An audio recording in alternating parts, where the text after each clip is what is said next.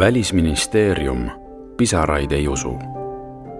Eesti diplomaatide elu ning töö. lugu viies osas. esimene osa. sina oledki Eesti. mis ilm tol päeval valitses, kohalviibijad ei mäleta. meeleolu oli nii rusuv, et välistele asjadele ei jätkunud tähelepanu, ütleb Urmas Paet kirikuvõlvide all seisis palju inimesi. enamik neist varases keskeas, soliidsed, tõsised. president, peaminister. kõrge jaheda lae all kumasid tumedad orelihelid. siis tuli päike välja ja kirikuaknad lõid helendama. peeti mõned kõned. erilise soojusega rääkis kirikuõpetaja, kes oli ühtlasi diplomaat. ta tundis lahkunut hästi Nad olid samas saatkonnas koos töötanud. hiljem veeres must auto vaikselt kiriku juurest mäest alla ning peatus enne edasisõitu korraks Välisministeeriumi hiiglasliku maja ees. seal seisid langetatud peadega Eesti diplomaadid. siis auto nõksatas ning sõitis peaaegu hääletult edasi. tema surm pani meid kõiki rohkem mõtlema inimelu haprusele ja nendele valikutele, mida oma elus teeme kirjutab mulle neliteist aastat hiljem Kolbre kolleeg, kes töötab endiselt vaimuliku kui ka diplomaadina. aga ka pühendumusele ning sellele, kuidas iga pühendumine võib meid lõpuks märkamatult nii vaimselt kui füüsiliselt ära kulutada. oli esmaspäeva ennelõuna, kui helistas Soome välisministeeriumi protokolliülem ning talle esimesena teatas, et Eesti suursaadik Priit Kolbre on surnud Kolbre oli leitud Vanda lennujaama parklast, automootor veel töötamas. ta oli tagaistmel kummalisse poosi vajunud. infarkt. seda tunnet on võimatu kirjeldada, ütleb Urmas Paet. Kolbre oli olnud Vanda lennujaamas tema pärast. protokoll nõuab, et resideeruv saadik võtab vastu ning saadab ära oma riigi ministrid. Nad olid lennujaamas hüvasti jätuks kätt surunud Paet lendas Šveitsi, Kolbre kõndis tagasi parkla poole. kui Paet mõned tunnid hiljem Zürichis maandus ja telefoni avas, oli see sõnumeid täis. Priit Kolbre lahkumine oli šokk. mu isa tervisel ei olnud mingeid kulumise märke, ütleb tema tütar. ta oli kuueaastane, kui tema isa tuhande üheksasaja üheksakümnendate alguses Välisministeeriumisse tööle kutsuti varem juhatas Kolbre ülikoolis majandusteaduste kateedrit, kuid Välisministeeriumisse sattuski toona erinevate elualade inimesi. meie esimesteks diplomaatideks said raadioelektroonikud, näitlejad, juristid ja infotöötlejad, aga ka tööstuselektroonikud, kirjanikud, raadioajakirjanikud, samuti ajaloolased, Itaalia või Saksa kirjanduse asjatundjad, raamatukogutöötajad, keemikud, õpetajad, eesti ja inglise filoloogid see andis neile silmaringi ja elukogemuse, mis hõlbustavad suhtlemist. ning just see on diplomaadi olulisim valuuta. sa võid rääkida tundide kaupa nagu ponšik, ümmarguselt. aga seda saab lubada endale ainult suurriigi esindaja, sest kõik tahavad temaga niikuinii suhelda. Eestiga ei taha keegi, sest Eestil pole eriti midagi pakkuda. kui ma läksin mõnele vastuvõtule ei seisnud ma kunagi veinilaua ääres või uste juures, vaid alati ruumi keskel, ütleb Marina Kaljurand. mul oli vaja, et mind pandaks tähele ja nähtaks. sellest hoolimata võttis igas uues riigis umbes aasta, kuni saabusid vastuvõtud, kus tema ei pidanud enam ise kõigi järel jooksma, vaid vahel tuldi nüüd juba tema juurde. Marina Kaljuranna kutsus Välisministeeriumisse tema paralleelklassivend paljusid kutsus Lennart Meri, mitmeid kutsusid tuttavad. konkursse ei toimunud või olid nad kõigest kosmeetilised, mäletab üks toona alustanuid. aga kuna me olime inimlikul tasandil juba tuttavad, siis me sobisime omavahel. see polnud pelgalt sõpruse küsimus. Eesti välispoliitikat hakkasid üheksakümnendatel kujundama inimesed, kellel polnud Nõukogude Liidu tausta see oli Meri programmiline seisukoht ning kelle väärtused klappisid. ei otsitud professionaalseid diplomaate, vaid inimesi, kes oleksid kõige läänelikumad, ütleb üks üheksakümnendate alguses alustanu. või siis võeti noori, kes olid võimelised kiiresti läänelikuks muutuma, sest lääne põhiväärtused olid meie teekaardiks. sellest pidi saama Eesti strateegiline eelis võrreldes teiste Ida-Euroopa riikidega. ja saigi teadsime üsna täpselt, milline see riik ja ühiskond selleks peavad olema, kirjutab Mati Maasikas ühes artiklis. liberaalne demokraatia, tugev õigusriik, inim- ja kodanikuõiguste vankumatu järgimine. välispoliitikas keskenduti liitlassuhetele, majanduses usuti ausat konkurentsi ning vabakaubandust. ja lisaks lihtsalt nähti välja, käituti ja oldi nagu läänes. pruunide lipsude asemel midagi maitsekat, viisakus, empaatia, keelteoskus. mind hinnatakse kogu aeg, ütleb üks diplomaat. aastakümneid tagasi seisis ta nõutult Helsingis, käes automaadi väljastatud tuhmikirjaga visiitkaart. ta viskas selle prügikasti, sest nii kehva kvaliteediga kaarti ei saa, ei tohi ükski riik kasutada. isegi mitte kõige väiksem ta teadis, et Eestit esindab tema tervitamislaad, tema pintsakulõige, tema lauakombed ja tema naljade nüansid. millist kirjanikku ta mainib? kas ta lubab lõpetada teise lause või segab vahele? kas ta pigem kuulab või pigem räägib? sinust peab õhkuma läänelikkust, ütleb üks endine suursaadik. ja kõige hullem, kui sa oled vähe lugenud, kitsa silmaringiga ja räägid ainult sellest, mida sinu riik tahab. sest see on provintslik muidugi ei tohiks me ühe inimese põhjal teha üldistusi kogu riigi kohta, kuid just seda näeb ette diplomaatia. see, kes on Eesti suursaadik, ongi Eesti. keegi ei hinda Prantsusmaad või Hiinat suursaadiku isiku järgi. kõik ju teavad neid niigi. aga väike riik, mida mitte keegi ei tunne või tunneb väga hõredalt, tema jaoks on suursaadiku ja tema abikaasa isik sageli peaaegu et kõik ühes varases intervjuus kehitab Priit Kolbre õlgu, kui küsitakse, miks ei ole Eestil eraldi Euroopa asjade ministrit. ministrist pole lugu, ütleb ta. peab olema grupp euroasju jagavaid professionaalseid ametnikke, kes teavad, kuidas viia Eestit kõige paremini Euroopa Liitu. Neid inimesi oli tol hetkel umbes kolmkümmend.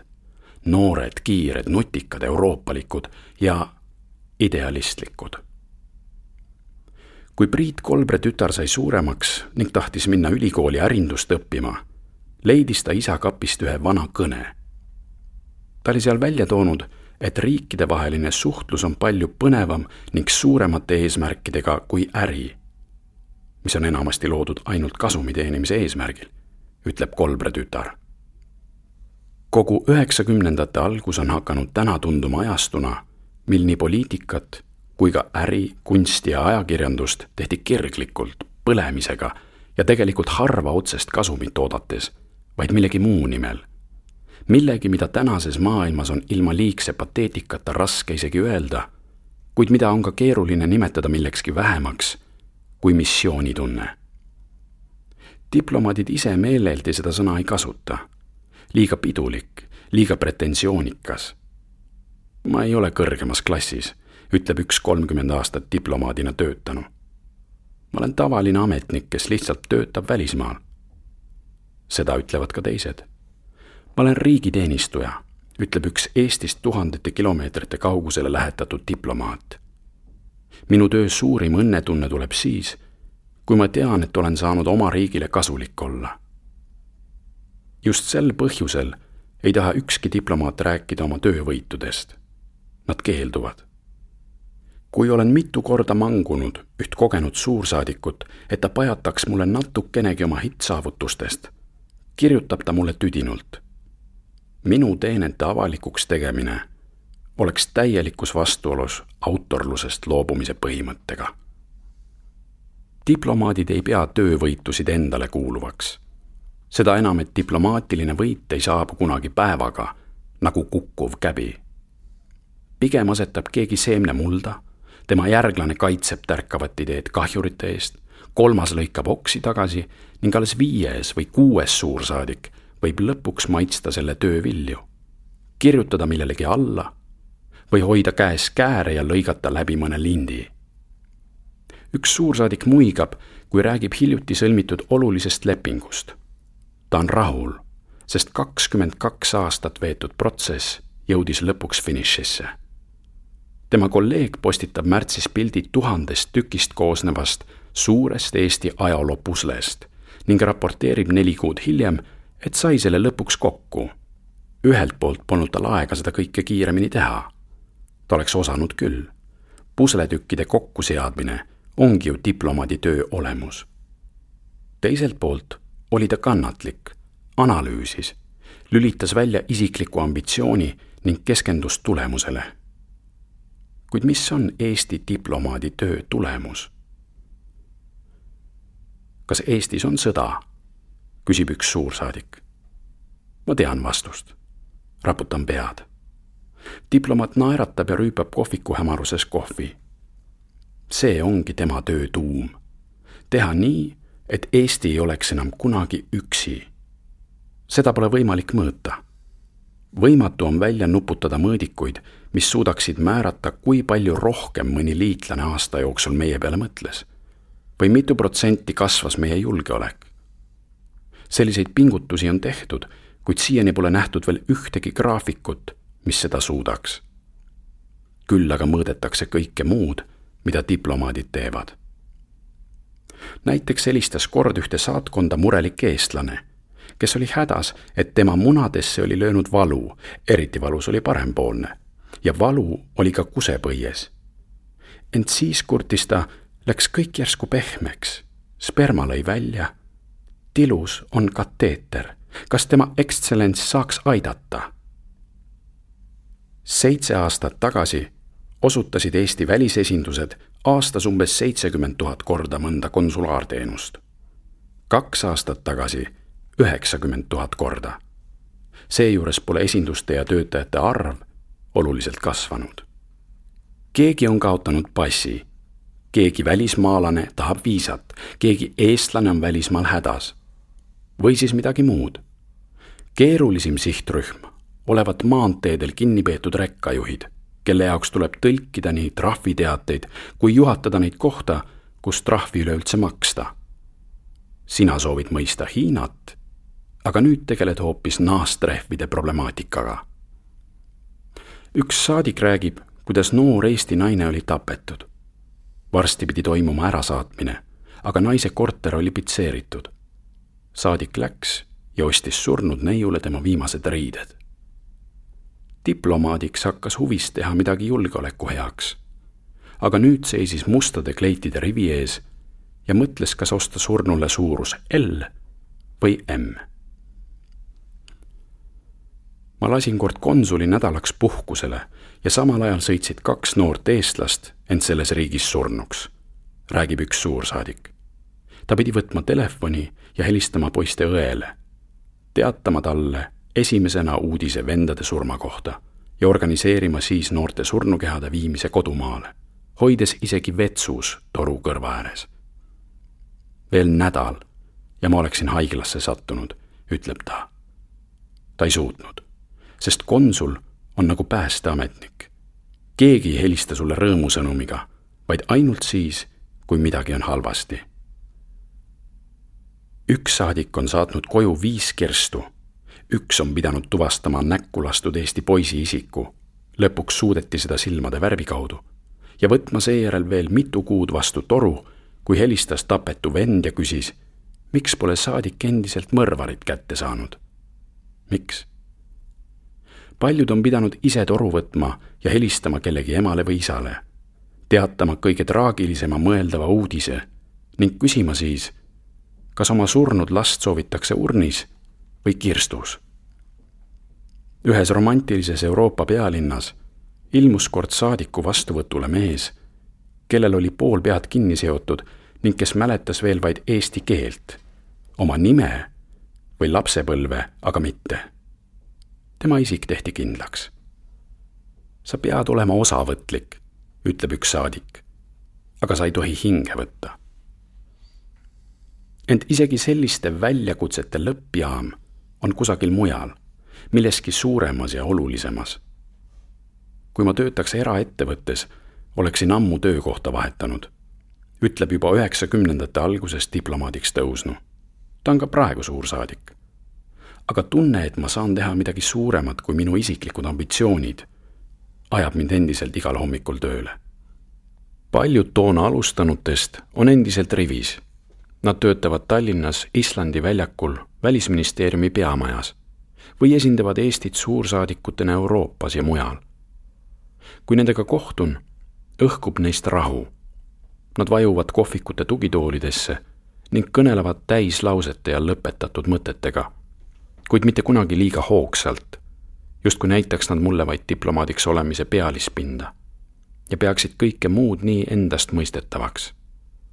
või sääraseks, mida mõistavad vaid need, kes samuti on aastate kaupa elanud võõrastes riikides ja sadade tüütute õhtusöökide, tuhandete järelejätmatute telefonikõnede, olematute nädalalõppude ja oma sõprade, laste ning elukaaslaste kõrvalt hilisõhtuti tööle läinutena proovinud hoida Eestit natukenegi sellel poliitilisel maailmakaardil, kus välispoliitikat tavaliselt kujundanud pinge väärtuste ning arvestuse vahel on saanud uue kolmanda osapoole, populistliku künismi.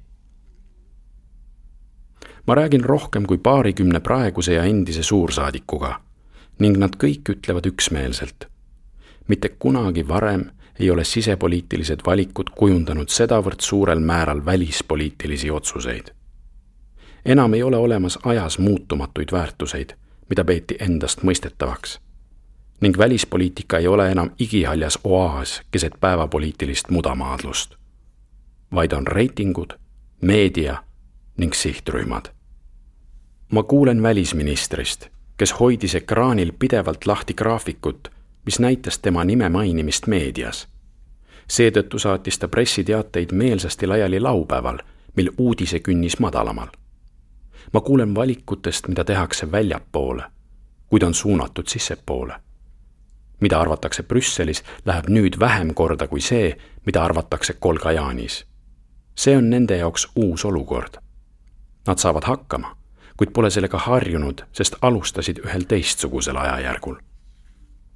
Võtame teid vastu siis, kui olete nagu meie, ütles kunagi üks kõrge NATO ametnik meie inimestele. see tähendas alles ja ainult siis, kui te jagate meie väärtuseid, avame teile ukse ei, neil polnud Eestit otseselt vaja. ilma Eestita oleks neil olnud isegi kergem. kui palju vähem vaeva ja keerukaid olukordi. kuid Eesti oli sümbol riigist, mis suudab selja taha jätta oma sünge mineviku ning omaks võtta läänelikud väärtused. tema vastuvõtmine oli lihtsalt õige. nii mõeldi kakskümmend viis aastat tagasi.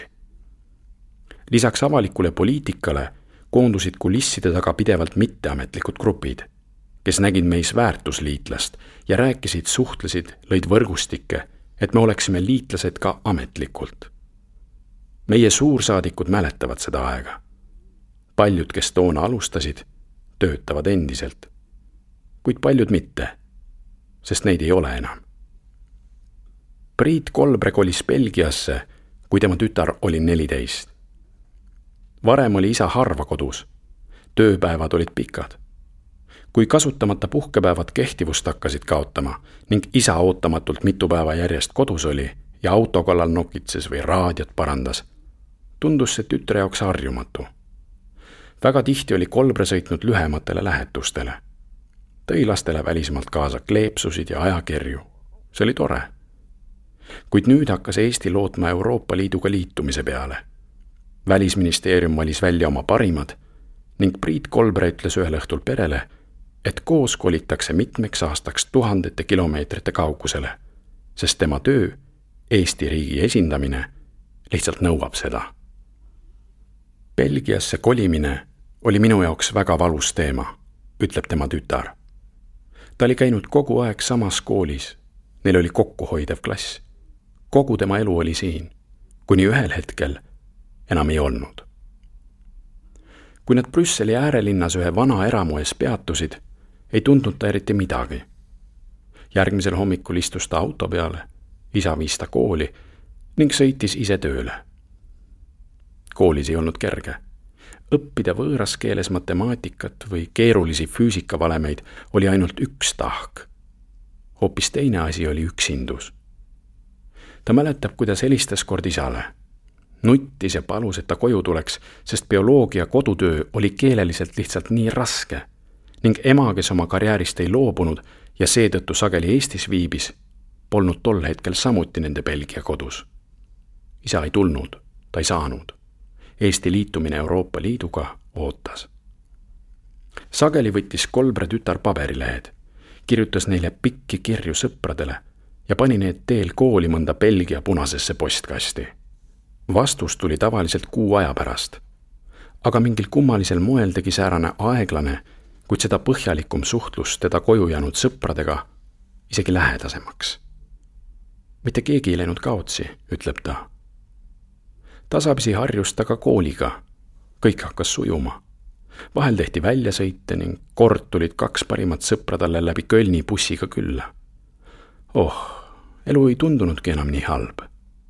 ja isagi oli heas tujus. läbirääkimised sujusid ning Eesti liitumine Euroopa Liiduga muutus üha tõenäolisemaks, kuigi midagi kindlat ei olnud endiselt. aeg oli väga ärev, ütleb Urmas Paet. Inimesed tundsid väga suurt isiklikku vastutust ja kaalul oli Eesti elu ja surm. kella ei vaadatud, töötunde ei loetud ja kui Eesti lõpuks Euroopa Liiduga ühines, polnud see ametnike jaoks ainult töövõit. mitmed Eesti diplomaadid peavad seda oma elu suurimaks päevaks unistuse täitumiseks. sest nende töö tähtsaim ja mitte kusagil sõnastatud eesmärk on lihtne. teha nii, et Eesti poleks enam kunagi üksi. enne Soome siirdumist sai Priit Kolbre mõned aastad ka Eestis elada. ta oli välisministeeriumi kantsler ja proovis seal kokku sõlmida Kristiina Ojulandi ajal tekkinud leere. Kolbre ei tahtnud kantsleriks hakata kuid Välisministeerium polnud tema jaoks lihtsalt töökoht, vaid midagi enamat. ma istusin temaga kord Kopenhaageni lennujaamas, mäletab üks toona Eesti riigi avalikke suhteid organiseerinud inimene. Ojuland oli minister, Rüütel president ning Res Publica moodustanud valitsuse. see kõik oli Eesti välispoliitika jaoks katastroof, sest korraga kamandasid asjatundmatud poliitikud ametnikke. seni oli olnud teistmoodi kuni Eesti liikus Euroopa Liidu poole, kuulasid poliitikud hoopis diplomaatide sõnumeid, võtsid neid kuulda, tegid nende näpunäidete järgi ja kujundasid sellest lähtuvalt mitte ainult välis, vaid ka sisepoliitikat. Merile või Laarile võisin nii mina kui ka teised suursaadikud helistada ja öelda neile kriitiliselt, kuidas mõni nende otsus välismaale paistab. ja parem oleks nii mitte teha, mäletab üks üheksakümnendatel alustanuid Nad ei pidanud oma otsust tingimata muutma, aga vähemalt oli olemas kriitiline kanal. Surmanuhtlust ei kaotatud Eestis mitte seetõttu, et meis oleks ärganud uus eetika, vaid kuna suursaadikud ütlesid valitsusele jõuliselt. meie tee Euroopasse on võimalik vaid siis, kui ühtegi kurjategijat enam ei tapeta. otsus langes, surmanuhtlus kadus. sest Euroopasse kuulub vaid see kellel on euroopalikud väärtused. Need väärtused on olnud mitte ainult Eesti, vaid kogu lääne rahvusvahelise diplomaatilise korpuse telg. aastakümneid kestnud sõnastamatu kokkulepe, mida enam-vähem kõik jagavad, isegi kui nad sellest kunagi ei räägi. me oleme liberaalid, ütleb Harri Tiido. aga me lihtsalt ei deklareeri seda kusagil. ja tema arvates ei peaks seda ka kellelegi peale suruma kui Priit Kolbre läks Soome, jäid tema täiskasvanud lapsed koju, kuid käisid tal vahel külas. ka tol nädalavahetusel olid nad seal. koos käidi sugulaste juubelil, sõideti ringi, tehti nalja, kõigil oli kerge olla. oli juunikuu ja ma mäletan, et mul endal oli kerge päevitus juba peal, ütleb tütar. aga ma vaatasin oma isa välikohvikus päikese käes istumas ja ta näis mulle nii kahvatu kui nad pühapäeva õhtul Helsingist Tiiburiga lahkusid, seisis isa kai peal ning lehvitas. lehvitas natuke ja lahkus siis. mõned endised kolleegid mäletavad, et kahvatuks muutus Kolbre juba varem. võib-olla võttis ta kõike liiga südamesse, ütlevad mitmed. kui küsin ta tütrelt, mida luges tema isa oma elu suurimaks saavutuseks, ütleb ta, et endamisi võis ta kõige uhkem olla selle üle, et Eesti liitus Euroopa Liiduga. mees, kes oli kogu elu pühendanud oma riigile ja kurnas end selle riigi nimel töötades piirini, mil ta Vanda lennujaamas ronis väsimusest korraks tagaistmele puhkama ega tõusnud sealt enam kunagi